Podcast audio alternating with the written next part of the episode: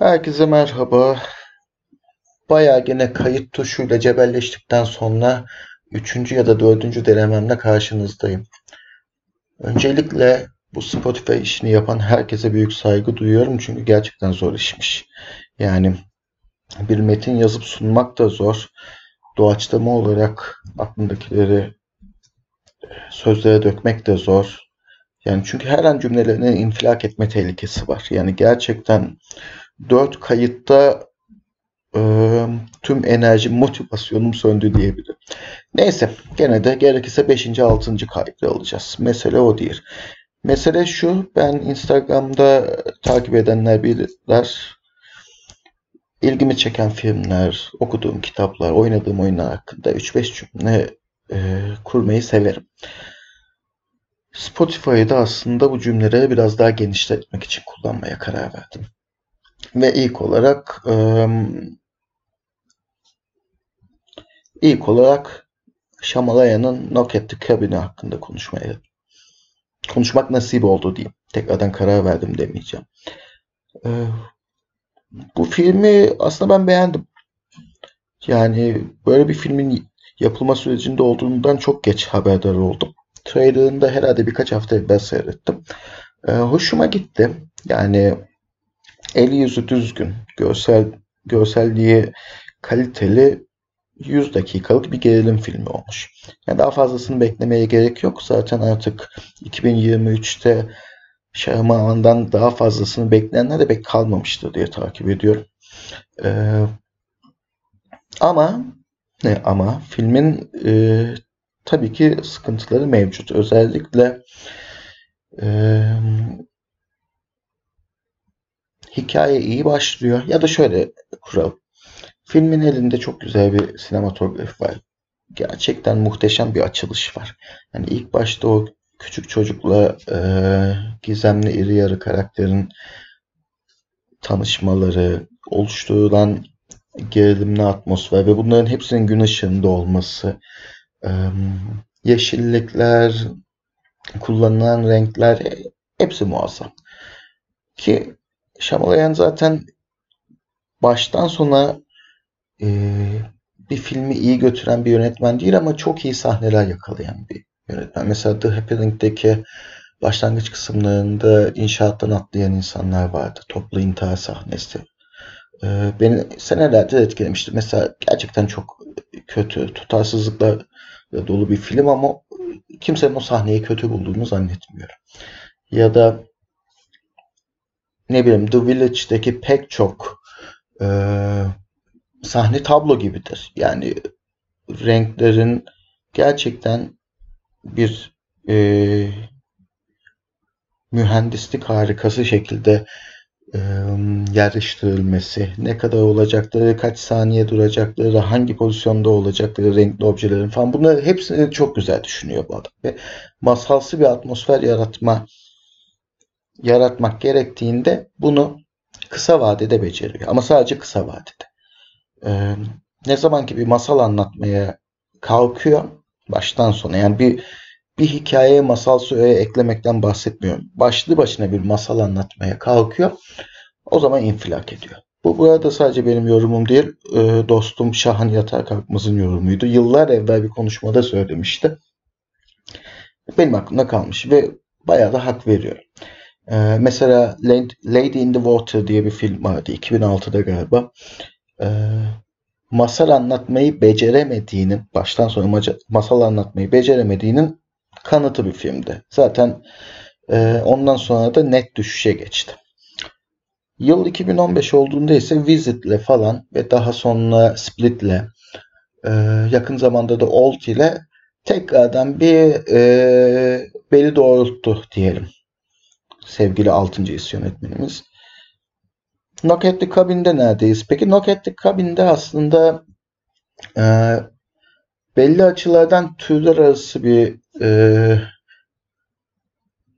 gezinti var. Biraz böyle masal fantazi, biraz böyle Amerikalıların e, çok sevdiği home, home invasion denilen e, ev istilası oluyor Türkçesi e, filmleri. Bunların arasında geziniyor kimin iyi, kimin kötü olduğunu bir noktaya kadar anlamıyoruz. Ee, motivasyonları anlamıyoruz ve bunlar bilinçli olarak bizden gizli tutuluyor. Ee, hikayeyi hemen çok hızlıca özetlersek e, eşcinsel bir çift var. Bu çift bir tane küçük kız evlat edinmiş ve bir ormanlık alanı tatile gitmişler. Film başında dört tane yabancı insan gelip bu aileyi esir alıyor ve onlardan tek bir şey istiyor. Çok yakın zamanda bir kıyamet gerçekleşecek ve bunu engellemesinin tek yolu üçünün birlikte konuşup anlaşıp aralarında bir tanesini e, kurban etmeleri. Şimdi şey olarak böyle e, fikir olarak çok e, cezbedici bir fikri var. Yani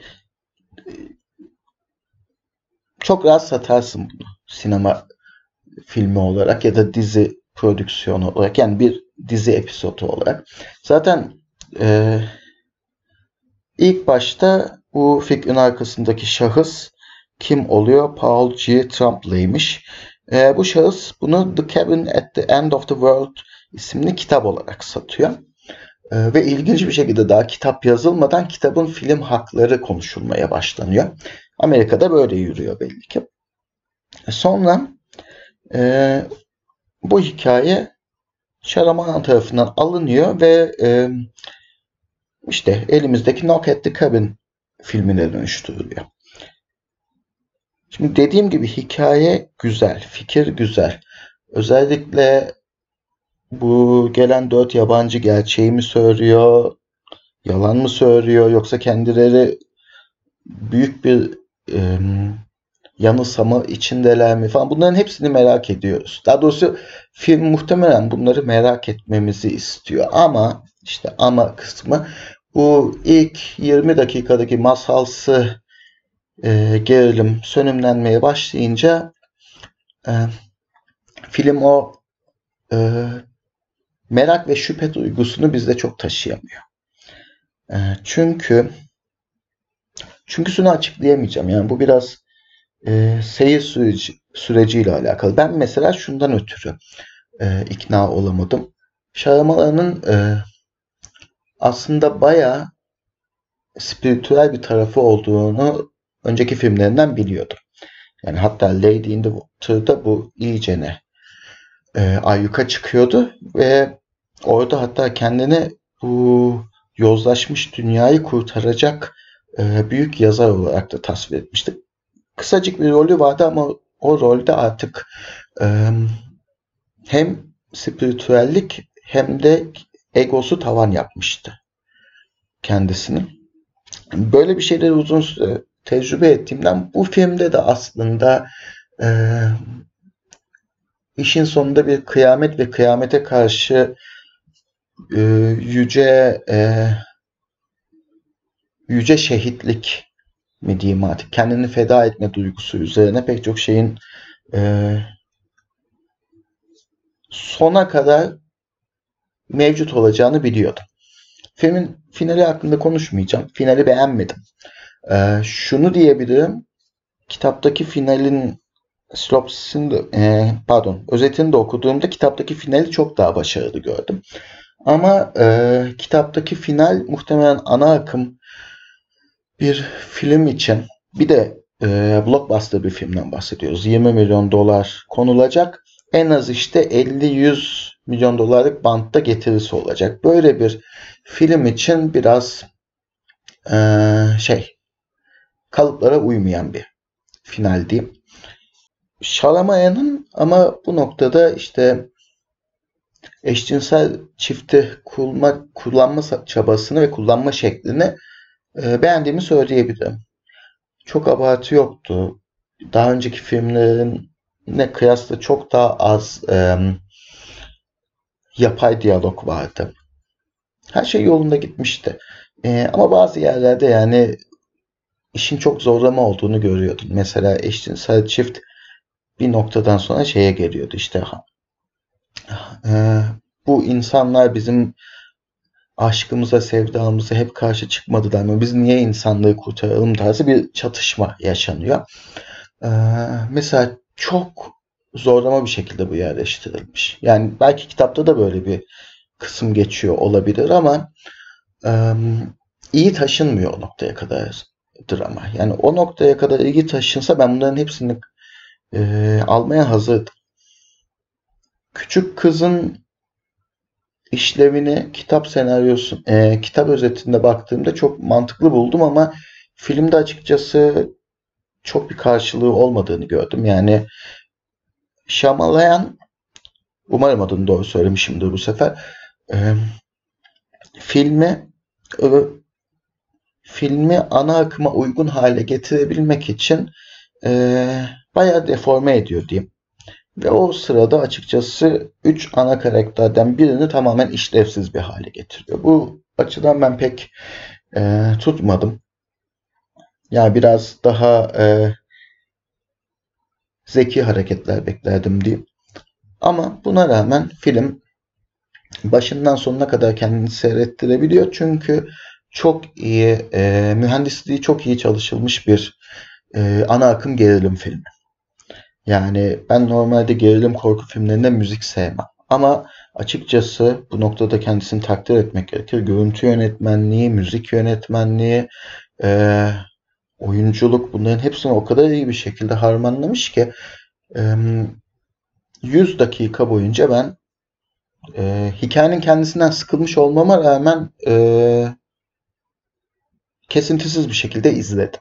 Yani sonu nereye varacak diye merak ettim. İkinci kez seyredilir mi? O kalitede olduğunu kesinlikle düşünmüyorum ama o ilk seyir sırasında yaşattığı e, sinematik haz bence başarılı. Yani bu açıdan kendisine hakkını vermek gerek. Ama e, yani o kadar da böyle kendisinin en iyi filmlerinden mi? Kesinlikle değil. Ama son yıllardaki yeniden doğuşuna önemli bir adım mı? Evet. Umarım bir sonraki filminde de yani en azından bu çıtayı korur. Biraz kapatırken şeyi söyleyeyim. Birazcık e, yapmaya çalıştığı şey açısından 2002'nin işaretler filmine benziyor. Hem e, ideolojik olarak durduğu noktadan hem işte gerilimin tonu açısından bilinmezliği kullanma çabası ve şekli açısından e, işaretler filmine bayağı benziyor. Ama işte o o zamanın heyecanıydı. Yani bugün oturup da o zamanki kadar bu filmi kimsenin konuşacağını zannetmiyorum. Ee, konuşmaya da çok gerek yok yani. Daha evvelden dediğim gibi. Yani o zaman heyecanıydı. Yani tek sıkıntı kendisinin gerçekten büyük hikayeler anlatma derdinde olması. Ee, daha doğrusu küçük hikayelerin içine çok büyük e, söylemler sıkıştırmaya çalışması. Bu konuda bir dengeyi bulabilse bence e, tekrardan prestiji toplayacak gibi geliyor. Neyse böyleyken böyle. Filmimiz hakkında 13 dakika konuştuk. Umarım sizi çok sıkmamışızdır. Tekrardan görüşmek üzere.